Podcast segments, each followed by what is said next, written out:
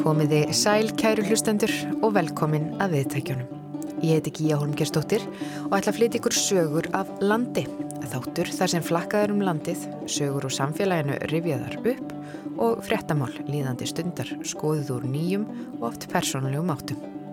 Í þættinum í dag förum við í tvær heimsóknir. Eina í listagilið á Akureyri þar sem við hittum vef listakonuna Ragnheiði Björk Þórstóttur á vinnustofu hennar.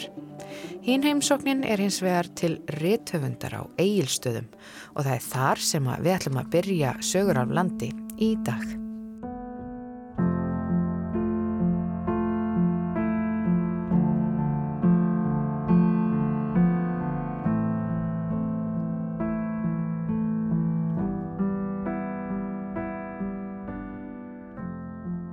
Fyrir jólinn kom átt margar bækur og jafnvel ástarsögur.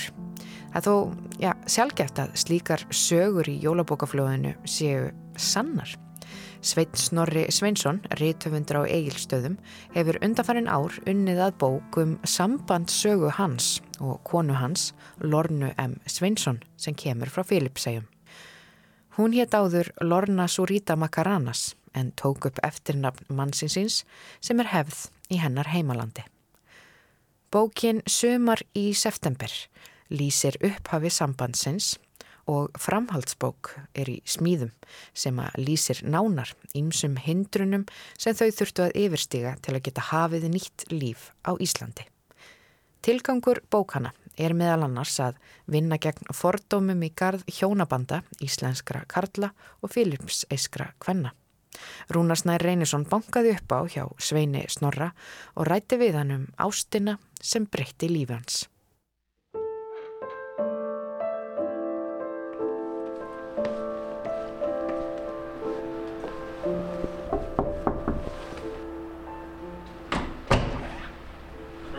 Sæl. Takk. Heiðu, það er kallt úti.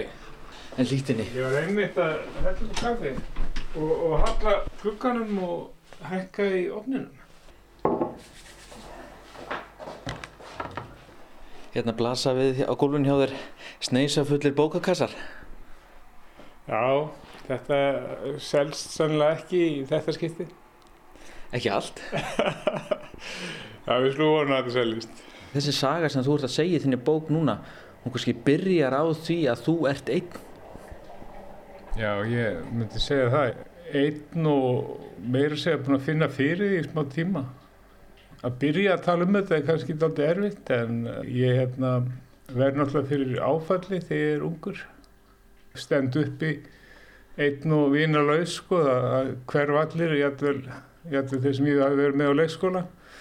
Þannig að eftir ákveðin tíma, þú sem segja eftir 1998 þegar ég verið ettrú, það er mjög einnig tilverðinu fyrir utan það að eiga fóreldra og sískinni.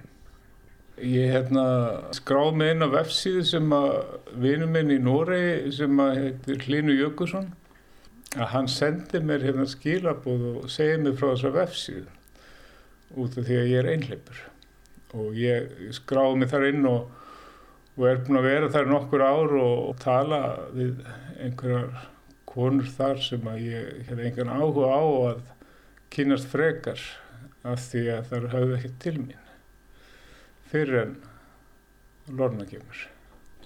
Og hvernig gekk þér að markað setja sjálfan þig á, á þessu markaðstorki þarna? Já, það sem að hún var hreifnust af, það var það sem ég hef sagt í prófílu mínum um framtíð mína eins og ég vildi að hún yrði og svo fannst hún hérna tilvittninu mín góð. Tilvittninu hafði ég skrifað inn á rítvöndarsíða netinu kringum aldamótin og hún var á ennsku það var þýðandi sem að hétt Bernhard Skötter sem að þýtti ljóðið minni yfir á ennsku hann er dáinn. Þar áttu við að gera sex orða æðuminningu og, og, og mín sex orða æðuminning var sem sagt uh, lost his mind found his heart þetta fannst lornur flott. Og svo var sem sagt spurt hvernig myndið þú helst vilja að framtíð þín yrði eins og þú sér þarna og þá sagði ég að eiga konu og börn og búa með þeim í frið og ró. Þetta var eitthvað á, þá leiðina. Og það fannst henni líka flott. Einn daginn er ég að skrá með henni á síðuna og þá býða skilabóð mín í innhólinu. Og það hefur Lorna skrifað að henni finnst ég make a sense í prófílum mínum sem, sem er þá byggt af því sem ég var að segja þér. Sko yfirleitt á, í svona vefsíu sko einhvern fyrir að tala við því að gagstaði kyni þá fyrir að tala um sko hvað maður þessi myndalegur og, og eitthvað svoleið sko. En, en hún fyrir að tala um sko eitthvað svona personlegt eitthvað, eitthvað sem kemur úr heilabúin á mér. Þannig að þið eru þetta að ná einhvers konar andlegri tengingu getur þið sagt strax. Alveg strax. Kaffið er tilbúið. Við svona vona að hérna, það sé korki og stertni og döft alveg nákvæmlega eins og við viljum að viðtali veði En ég vil kannski spyrja þig út í það líka af hverju fórstinn á þessa síðu, af hverju af hverju döguði þér ekki bara verið einn? Það hafði ekkert gest hjá mig sko síðan ég var um tvítut þú veist, ég hafði ekkert uh, gengið gegnum eitt nám. Ég var uh, búin að vera örki síðan 1995 átti einhver fjölskyldu, ekki mína eigin fjölskyldu og þessi íslenska leið sem ég elst uppið sem úningur að, að hérna, fara á ball og slengja hérna, einhver stelp yfir aukslina og, og hérna, ganga með henni heim og þú veist eitthvað svona þetta var ekkit að, að hyggla mig sko lengur og hendar mér ekki sko þannig að það sem mig, mig vandaði var náttúrulega meira eitthvað svona raunverulegt tilfinningulegt ást ekki eitthvað svona yfirbóskjönd. Það sem er hérna algjörlega ljóst er að ég er ekki á greipamarkaði. Mér var til dæmis rálegt að hérna býði hann um að taka viti og ganga um svo ég sæ hana. Þetta er alveg afleitt ráð. Veist, þetta virkar ekkert svolítið. Við þurftum kannski að sanna fyrir hvort öðru að við værum bara svona sönn í því sem við værum að gera Ertu með stuttan bókinu til að lesa? Þetta er sem sagt Lorna sem spyr mig í tölvupóstunum Hefur þau einhver tíman hugsað út í það að heiminum er stjórnaf af körlum Karlar eru djarfir, sterkir, hugrakir og svo framvegis. Það ríkir stríð á milli þjóða því að þannig takast karlar á. Ef heiminum væri á hinbóin stjórnað af konum held ég að það væri engi stríð. Þjóðirnar væri bara að tuða. Það væri engin geriðing held ég aðeins síðferðseining. Þetta eru orð lornu í tölvupóstri sem hún sendi mér og þarna sjáum við hversu frumlega og skemmtilega hugsun hún hefur sem er einmitt það sem heitlaði mér svo mikið í upphafi og reyndar náttúrulega allar því síðan.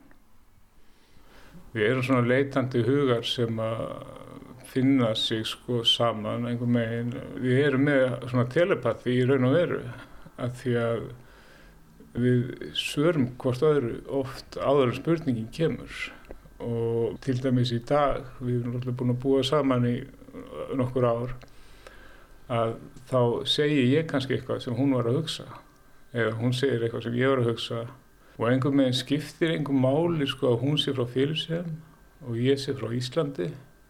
Við erum bara tvær manneskjur sem að fundum ástina og áttum alveg dásanlegt ástaræfintýri sem að tegja sig sko frá Íslandi til Dubai til Félipsega og þar sem að ég bý með henni í nokkuð langa tíma af því að við þurftum að gangi gegnum ákveðna hindranir til, sem við þurftum að yfirstíða til þess að fá að ganga í hjónaband.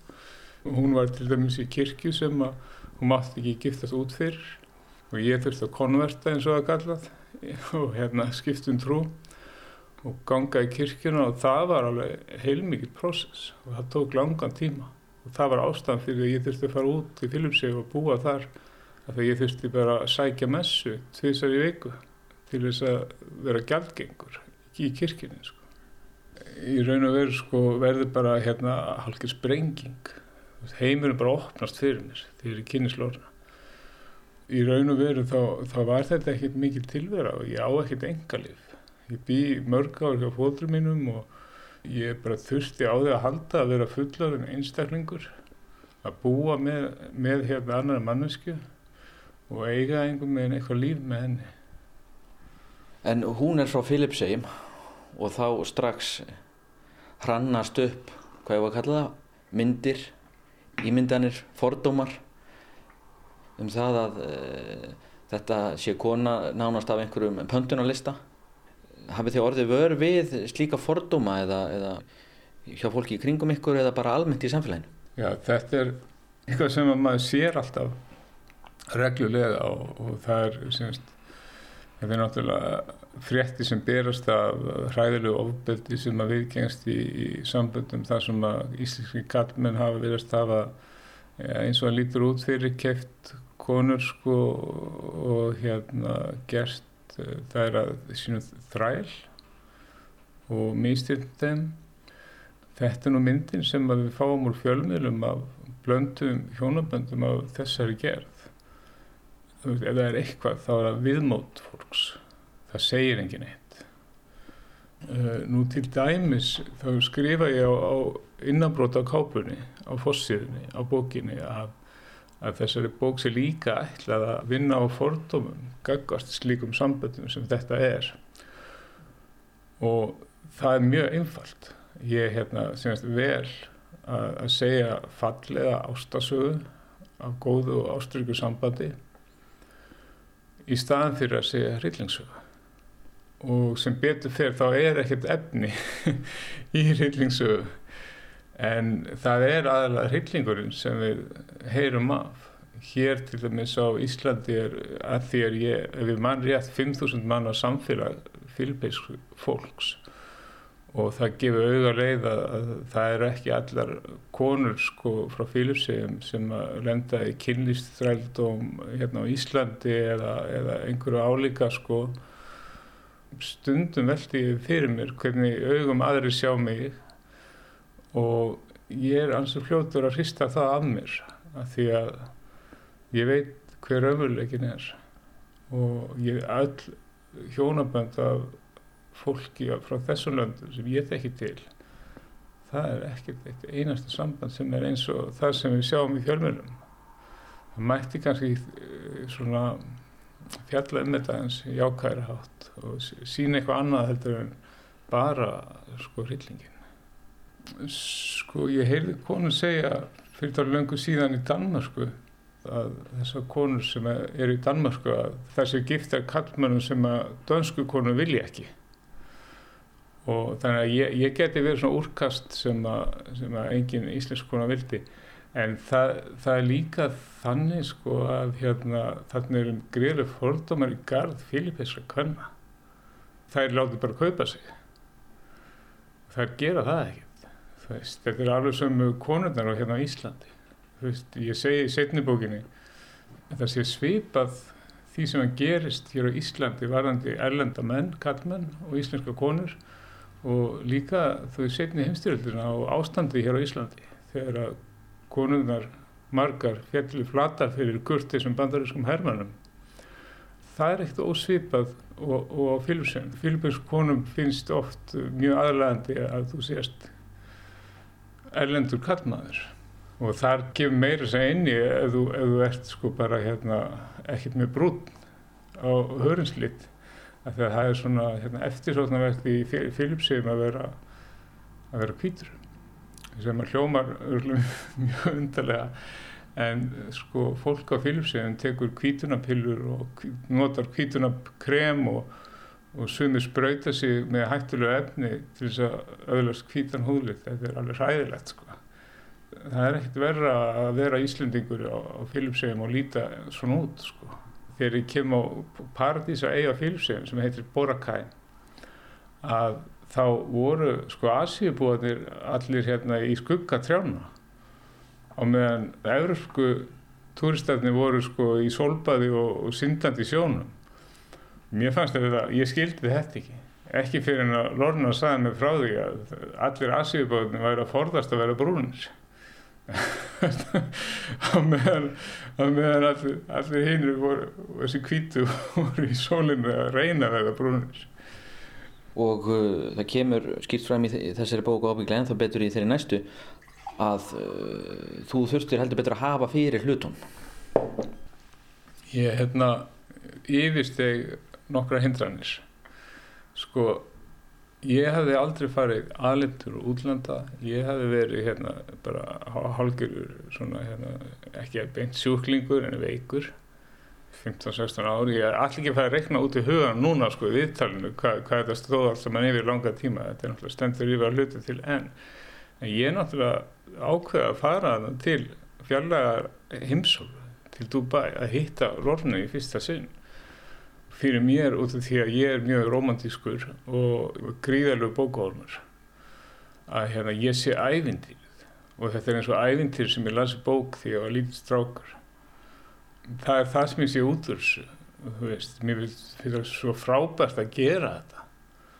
Fljúa til London fljúa þaðan til Dubai vera þar á hóðuli hitta ástina og í einhverju veðri sem er þú veist aldrei á Íslandi sko. Og fyrsta sem sem fer út þá er ég nýju daga með Lorna í Dubai. Og þetta er alveg hreint stórkoslegt líf.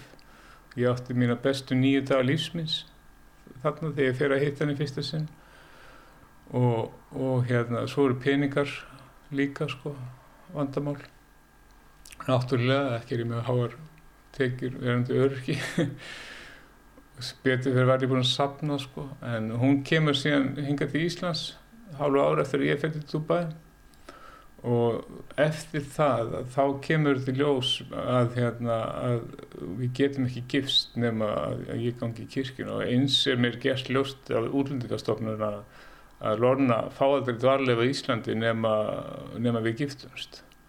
Og það er þess að sagt við mig að, eins og segir bókin að það sé enga vinna að fá fyrir hann á Íslandi og hérna þetta var 2014 en já ég, ég fer þarna til Amsterdam og þarf að fara þanga til þess að sækja kirkju. Og ég þarf að fara í gegnum 28 hálftum að kennstundir á, á netinu til þess að fara í gegnum kenningakirkjunar og þarna lend ég í saminsku vandamálum af því að það er sund í þessum kenningum kirkjunar sem bara fellur ekki að mínum lífskoðan og ég, ég held sko að ég ætti að tala bara sem minnst um þetta, þetta er engamál og, og ég ætti ekki að tala mikið um það en allavega þarna í byrjun og, og lengi verið þá reyndist mér mjög erfitt að tílenga mér þessar trúalögu skoðans og, og saman yfirstíðum við allt það sem er lagt í, á okkar braut. Við höfum þurft að gera ákveðinu hluti til að bara geta skapað okkar eigin líf. Og ég elska alveg að vera í þessari íbúð sem við erum hérna, sittum í og þetta er okkar heimili og, og hérna, hérna borgum við leigum eins og hvert annar fólk og eigum bara okkar eigið fallega líf saman og eftir allt það sem það var á mót okkur. Já, ég semst vissi ekki að það væri hægt að hafa svona tilfinningar ég vissi ekki að það væri hægt að vera svona ástfangin og ég vissi ekki að það getur verið svona gott að eiga maka. Og þetta hefur gjör breytt mínu lífi. Og ég, ég, er, ég er miklu hangisamari og ég er miklu betri af, af hérna, ákveðinu hlýðum keisutumana það er svo skrítið sko að þarna verður til svona annar veruleiki sem ég get verið í sko í stæðan fyrir að vera alltaf í þessum veikinda hérna, lífi sko að vera bara veist, einna báti veikur og down and out sko eins og segir á ennskunni mér finnst ég að hafa öðlast ákveðna reist sem einstaklingur. Og nú, nú er ég að lifa sama lífi og allir aðrir. Mér finnst ég að vera gjaldgengur í þjóðfélaginu. Ég var gjössalega utanveldu hérna, á, áður en áður en í kynnslónu á einhvern undarlegan hátt þá gerði ég réttu hlutina til þess að ná í hennar vornu mína Til að hafa mikið með það? Takk fyrir. en hún er ekki hérna núna til þess að leggja orði belg en, en hvernig gengur henni að, að fóta sér í íslensku samfélagi? Já, henni gengur mjög vel að, að gera það en það er samt svona hérna, með tungumálið sem er ákveð vandamál. Og við tölum takalóku ennsku aðalega hérna inn á okkar heimili. Og ég er að læra þetta mikið takalók og meira hefðin að ég er að kenna henni íslensku. En ég, ég veist að það er rosalega erfitt fyrir mig að segja fyrir hana hvernig hún hafa náða að fóta sig. Að því að hún hefur sinn reynslu heim og í vinnunni er hún með vinnufélaga og, og hún náttúrulega á í sínu samskipti við þá og verður fyrir velgengni eða ombröðum með, með fólki sem hún umgjast þar mestmæknis velgengni Og hefur þú tekið einhverjum stakkaskiptu myndur að segja? Ertu að leika eitthvað hlutverk verandi í sambandi eða ertu algjörlega þú sjálfur? Hver, hver ertu orðin? Þetta er svona umhugsun að verða spurning. Ég, hérna, já, ég eiginlega læt eins og fíbl, eins mikið og ég get þegar við lorna erum einn. Þetta byggist aðalega og algjörlega upp á því að ég er reyna að fá hana til að hlæja og ég er bara svona eða sprellikall það sem ég hefna, tek upp á ég verður að segja alveg eins og þeir að, að gamli geðleiknirinn minn sem, að, sem er núna reyndar hættur og það var nú ekki út af mér að, fyrir aldursakir. Hann myndi sennilega veltaði fyrir sér hvort að þannig sé annar personleika ferð. Að því að sko ég, hérna, ég er alveg óstöðandi í fýblaganginum hérna þegar við erum tvö einn það veit engin annar að þessu. Engin, ég hef aldrei látið svona þannig að annar sjáu til önnum manneskja nefnum kannski því ég var barn sem er mann ekkert mikið eftir en þetta er alveg aðeinslegt Sveit Norri Sveinsson þakkaði kærlega fyrir spjallið.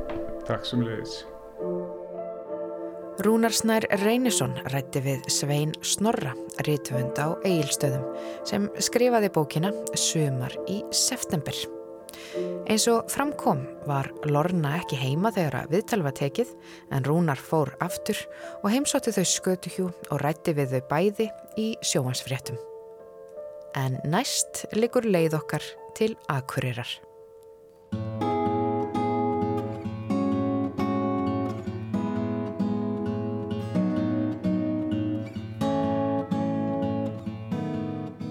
Í listagilinu á Akureyri má finna vinnustofu vef listakonu sem fann það snemma á sinni æfi að vefnaður ætti hug hennar allan. Við skulum kíkja í heimsókn.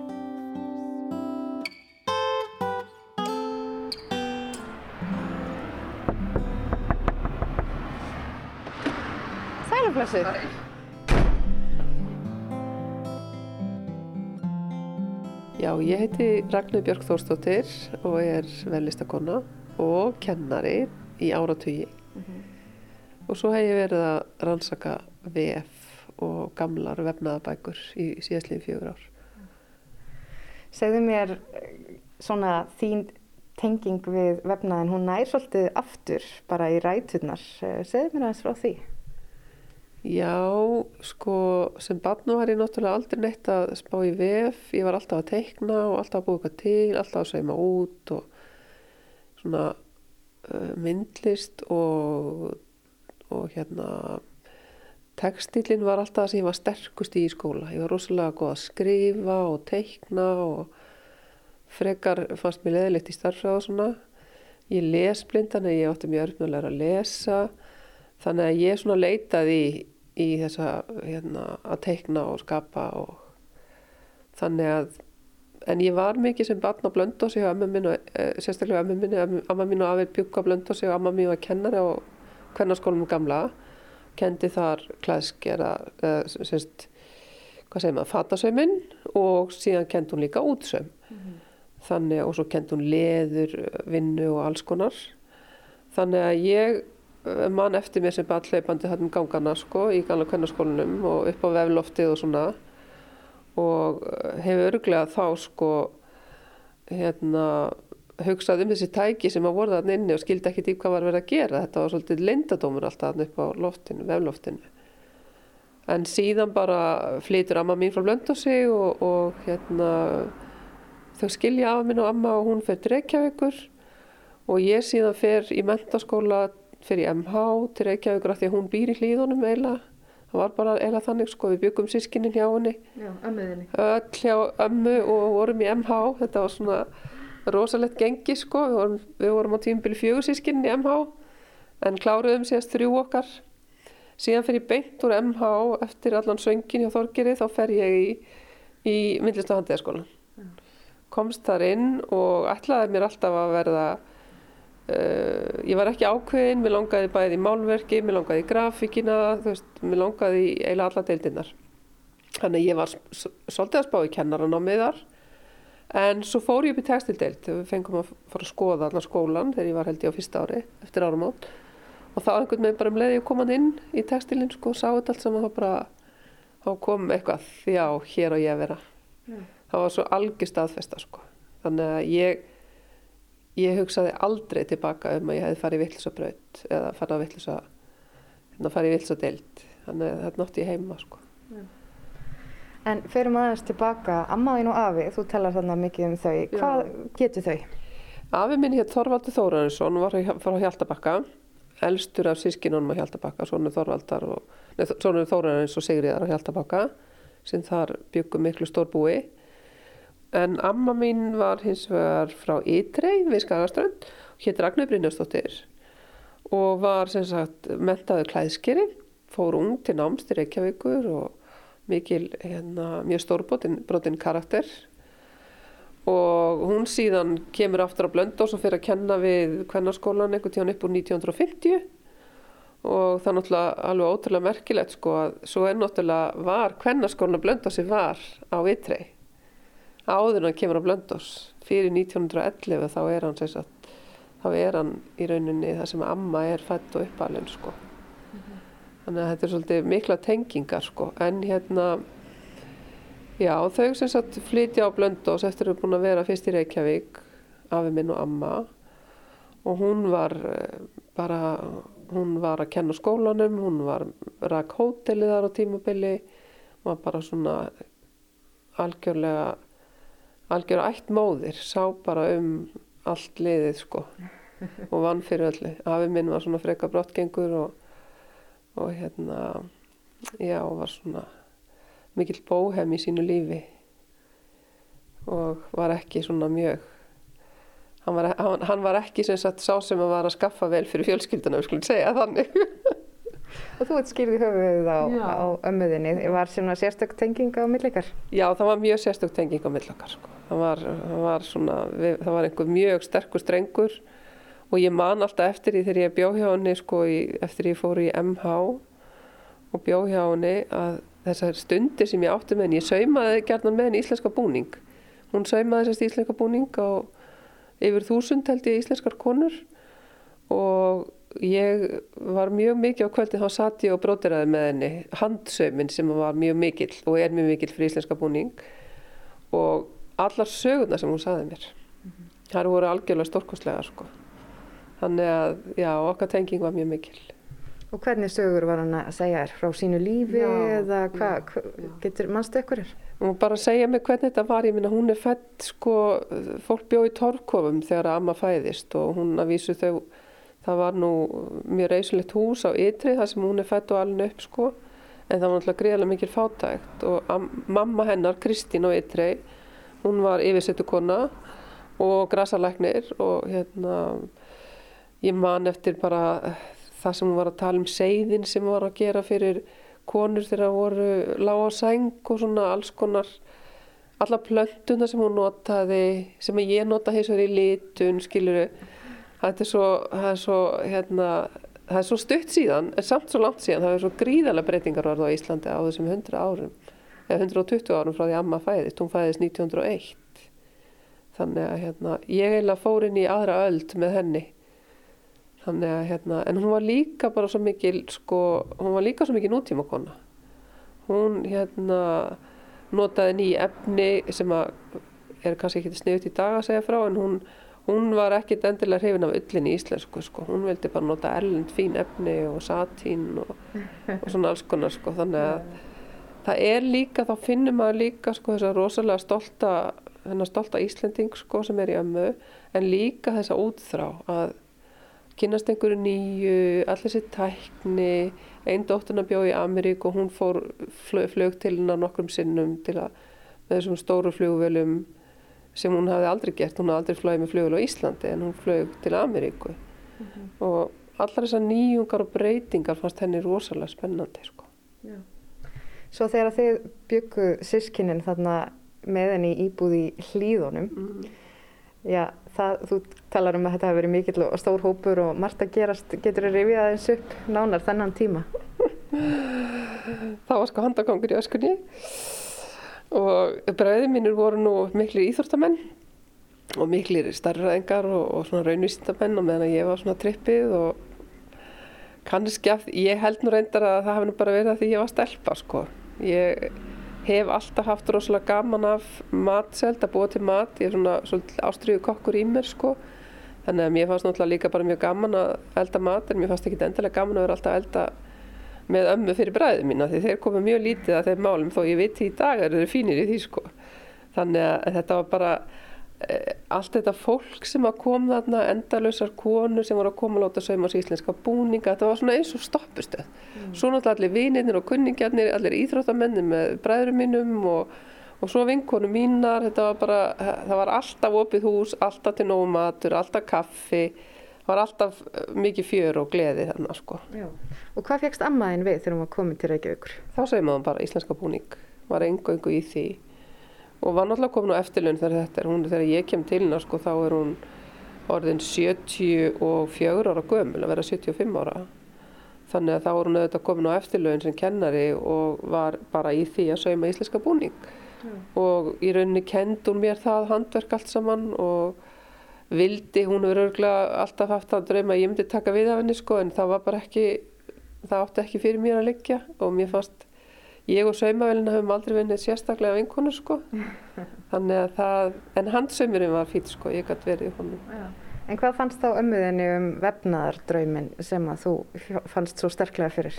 Henni fannst þetta rosalega skrítið sko, af því að ég held að hún hafi líka tengt svolítið vefnaðin sko þessum íslenska þrældómi það þurftu allir að vefa hér áður fyrr. Það var bara skildað, það verði allir að vefa sína fimm metri eða hvað það var í, allir í hæmulinu. Það voru allir sem ófu tóku sinn þátt í því að vefa efni fyrir, fyrir eh, hvert sveitabæ.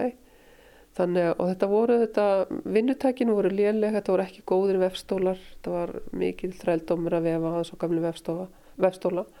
Þannig að ég held að hún hafi bara haldið að ég væri bara að fara alveg í kolvillis átt sko það væri nú ekki nógu góð hérna, gott lifibröð að alltaf þess að fara að vera vefari.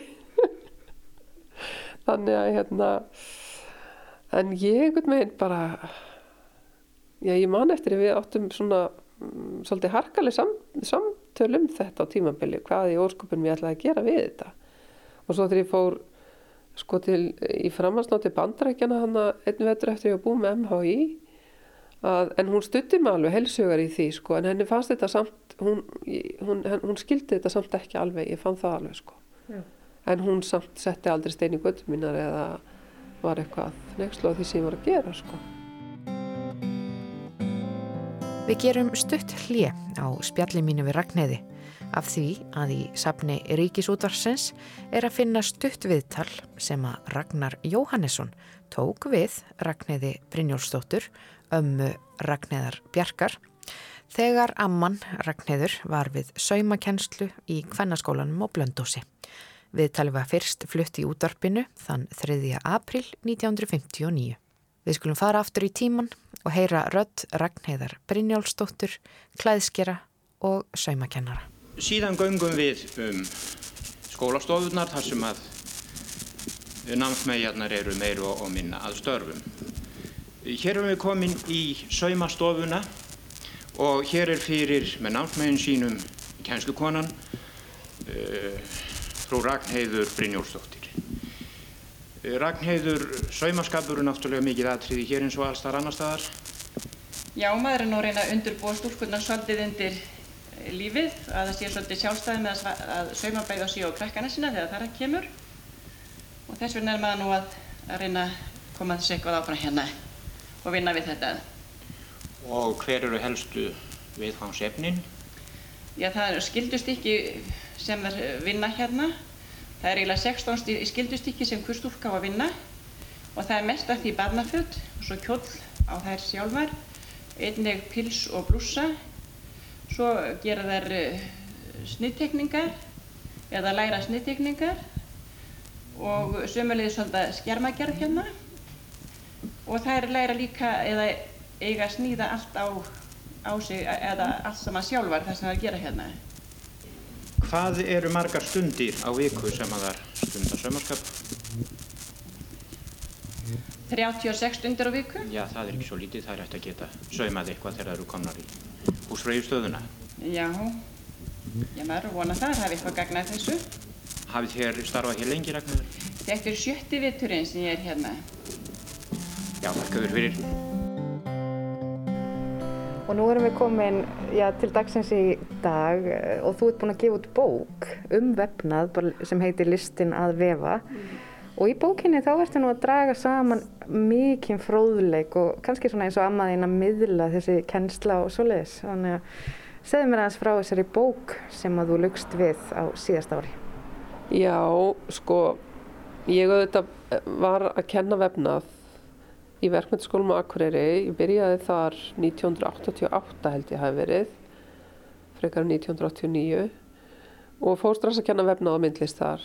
Og síðan voru stopnaðar þessar brautir, mynda hafmyndabrautin og síðan lisnarsbrautin og hérna ég var kænslustjóri lisnarsbrautirna í nokkur ár og stóð mikið í svona námsefnisgerð og, og námskrárgerð aðalega, skrifa námskrárna fyrir textílinn ég, þegar ég var búin að ljúka mestaranáminu mínu hérna frá Háskólum Akureyri 2009 að þá einhvern veginn þá var ég strax komin, ég, ég hafði byrjað að skrifa svona kennslu leðbyrningar í vefnaði og mér fannst alltaf allan tíma sem ég var að kenna vefna það vantaði íslenskt íslenskan hérna, texta, vantaði eitthvað íslenskt. Við vorum alltaf með gönlu bókinan Sigriðar Haldó sem var svona handrit, svona bara hérna, gormabók sem var mikill fráleikur í en hafði aldrei verið gefin út af forlægi og var í rauninni bara hérna, partur af bindufræðinni og hvernig maður sittur upp í vefstól.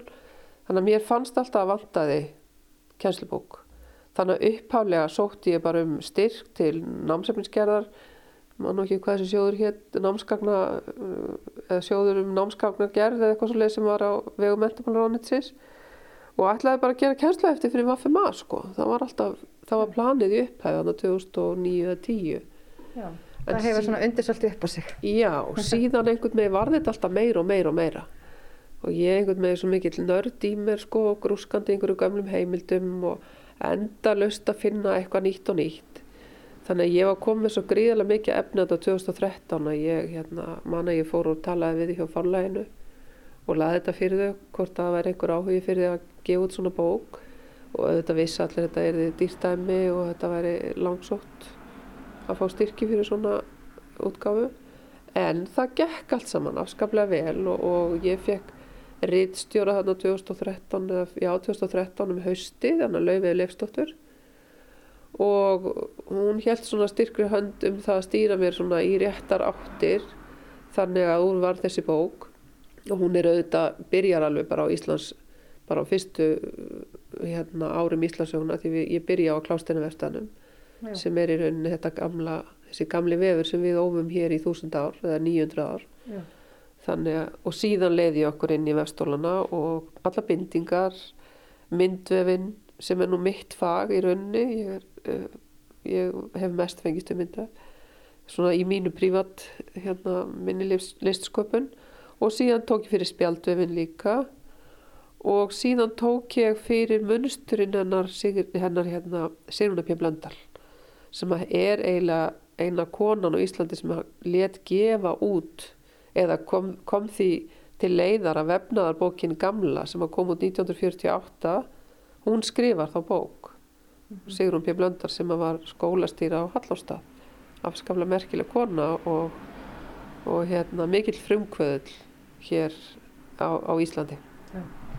En sko, svo tengistu aftur eiginlega inn í kvennarskólan á Blöndósjótu því að það er starfrætt núna í dag textil miðstöð Íslands. Og ja, þar er, ertu komin á slóðir ömmuðunar aftur og, og handverkið og, og hérna þar sem þú legst þér hljópstum gangana í, í gamla kvennarskólanum það er svolítið skemmtileg svona tilviljun.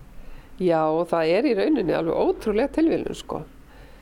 Ég, sko það var eiginlega þannig að einhver tíman fyrir kannski 7-8 árum síðan þá var ég á námskeið við fengum aðstöði í gamla kvennarskólanum við vissum að það var búið að gera eitthvað að ná að breyta og það var búið að, að stopna textil setur Íslands. Og hérna þegar Jóhanna Palmadóttir var sem sagt fórstökun og textilseturs þá höfðum við samband við hana að því við vissum að það var ekkert að gerast í húsinu við veturinn og fengum að vera á námskeið í spjaldöfnaði hjá henni Óluf Einars eina helgi, nokkrar konur. Ég held að við hefum allar verið úr vefnaðakennarafélag Íslands. Og þá kom ég þarna inn aftur og þetta var einhver svona, þetta var svona, þetta var svona töfurum gett helgi. Að vera þarna einar tíu konur í þessu gamla húsi þar sem að sagan er svo ótrúleg. Allar konurnar upp á veggjum þarna á spjöldunum sko og er náttúrulega amma mín á nokkrum spjöldum og bróðunars pappa og svona þegar hann var lítill. Og einhverju hluta vegna þá, uh, þá voru við svo býrefnar hann nokkrar, við bara við fórum upp í vefstofu og okkur fannst þetta ræðilegt að vera ekki þetta vefi í þessa stóla. Það er að gera eitthvað í þessu. Þannig að við bara buðumst til þess að taka stólan alltaf í gegn og gera það svona nokkuð starfæfa skiptum haföld, höföld og, og bara græja það púsa það upp og, og bara koma þeim í nóttæft ástand við vorum hann að nokkra konur og vefnaði kennarafélaginu sem bara tókum þetta að okkur. Fóðum við síðan á blöndu um, um vorið þetta sama, eða semst árið eftir og vorum hann í nokkra daga og bara gjör breytum vefstofinni sem síðan hefur bara haldið áfram í rauninni fram á þennan dag. Það er endalust þetta laga vefstóla sko, þeir eru ekki allir í superformi, þeir eru, eru allan að komna hérna svona 7-8 sem eru bara alveg ágætis vefstóla, þetta er nú þetta vefstólar sem eru gerðið sennilega einhvern tíman í kringu 1925 þannig að þetta er orðinni næstu 100 ára gamli gripir og ættu kannski bara að vera einhver staðar á samni En standa fyrir sínu, vantilega? Já, ég held að versta sem gerti fyrir vefstólar er að nota það ekki þannig að mm. það er í rauninni bjargarðið maður nota það sko mm. þannig að við drifum í þessu og síðan var ég beðnum að koma þarna 2014 minni mig til þess að kenna einum hóp úr Listaháskóli Íslands þegar voru krakka sem voru í fatahönnum á þriðja ári. Þau áttu sérst að koma að blönda oss í eina viku og vera þar í útsum og prjóni og vefnaði. Og það var svona byrjunin á þessu, þessu samstarfi mínu við textilsetur og síðan textilmiðstöð Íslands. Og síðan varð úr að ég var frá vegna veikinda í Vaffema í heilt ár, hann á 2015, allt árið.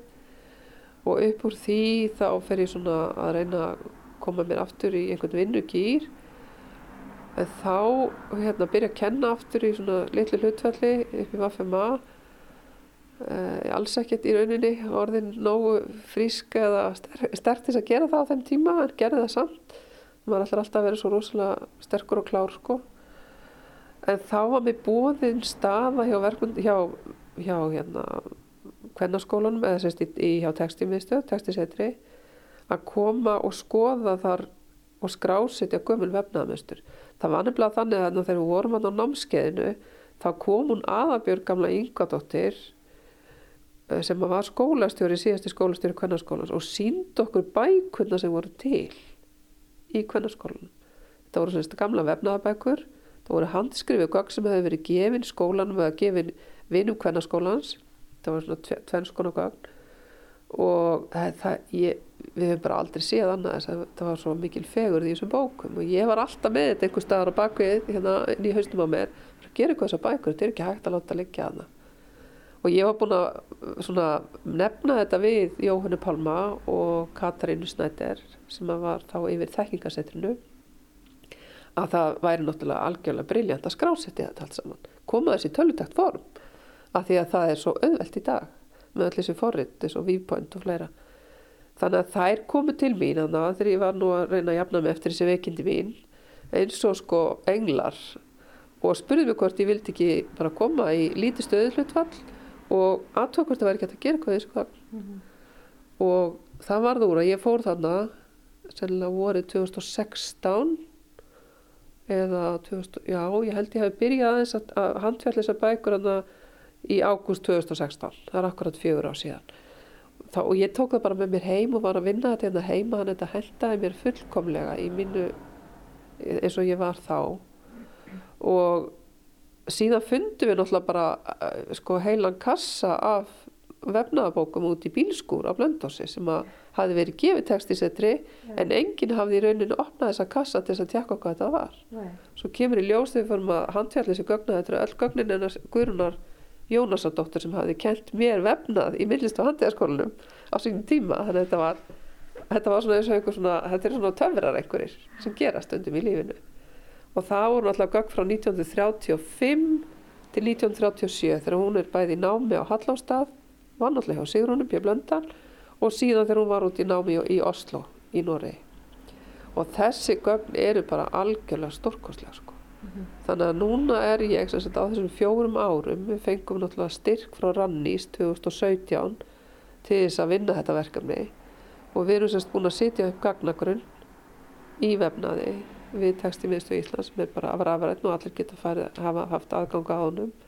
Þannig að öll þessi gögn, bæði Sigrunar, nei bæði, jú bæði Sigrunar P. Blöndal, e, Solveigar Arnósdóttur, vefnagennara frá Vík í Skafafyrir, eða sem búsettir í, í Útvík og síðan Guðrunar Jónasar og síðan hafa bæst við fleiri gögn eins og frá Sigriði Hóðansdóttir, eh, veflistakonna. Þannig að við erum með parta hennar gögnum og, og náttúrulega svo gögnin sem voru til frá kvennarskóla árunum, það voru til gríðarlega mikið af gögnum af það sem nefndur hefði verið að fást við í vefnaði kennarati sem voru og blönda á sér skrásettu allar þessar uppskreftir og allt sem að var verið að gera á hverju einasta hausti og voru þannig að við tókum það allt saman, ég skrásetti það líka þannig að það er svona sérkapli og síðan er komið hluti á gögnunum en að Sigriða Jóhans inn í gagnagrunnin en þetta er sennilega vinna sem verður bara áframhaldandi í einhver ár þannig að það getur alltaf bæst við gögnin í grunninn. Þetta er mikil fjársjóður? Já, þetta er náttúrulega sko, þetta er líka okkar menningar arfur, okkar íslendinga sem hefur svolítið verið óskrifa blað og ekki í rauninni kannski metin að verleikum. Þannig að það er óskaplega gaman að hafa fengið að koma þessu verkefni, að koma þessari menningar arfleð okkar í tölvutækt form þannig að unga fólkið okkar geti fara að nýta þetta í eh, sinnu hönnun og, og bara á stafrannan hátt og allavega eins og við höfum verið að gera tilhörlu með líka blöndósi. Við höfum verið að vefa þessu gamlu munstur í stafrannum vefstól sem er alveg óskaplega spennandi. Þannig að það er svo margar leiðir sem að unga fólkið sér og bara hérna það er, það er svo margar leiðir í dag sem að við vissum ekki að væri til þegar við vorum að, að byrja okkar okkar feril. Já. En svona að lokum, þú sagði mér áðan að þú stæðir á pínu tímamótum í þínu, bara, þínu ferli og lífi. Hvað er framöndan hjá þér? Uh, ég bara, ég veist að ég, ég, ég er náttúrulega að reyna núna að fóta með þess aftur á vinnustofunni minni. Að reyna að byrja á nýjum verkefnum og helga mér svolítið mín, minni listsköpun. Um, en ég er alltaf þessi forvitni rannsakandi í eðli mínu þannig að hvert það leiði mig bara veit ég ekki ég bara, það, þegar einar dýr lokast, þegar maður er búin með einhver verkefni einhver stór verkefni sem ég er búin að vera að gera núna undanfæri tíu ár þá bara kom einhver ný verkefni og ég sé bara fram á svona, svolítið svona skemmtilegan og, og svona tíma samt sem er óskrifar og ég veit ekki alveg hvert, hvert það leiði mig þannig að það er bara, það kemur eitthvað skemmtilegt út úr því Spennandi Takk fyrir Já. þetta spjall Ragnhildur Björg Þórstóttir. Takk sem er leiðis fyrir að koma og taka við með þetta viðtal. Þarna var rætt við veflistakonuna Ragnhildi Björg Þórstóttur sem að sagði meðal annars frá ömmu sinni, klæðskiranum og saumakennaranum Ragnhildi Brynjólfstóttur. En Ragnhildur Björk saði líka frá bóksinni, listinni að vefa, sem er yfirgripsmikil og fróðuleg bók um sögu vefnaðar á Íslandi. Og þar með er komið að lokum í sögum af landi í dag. Tæknimaður í þessum þætti var Úlfhildur Eisteinsdóttir. Við þökkum þeim sem hlýtu. Lifið heil!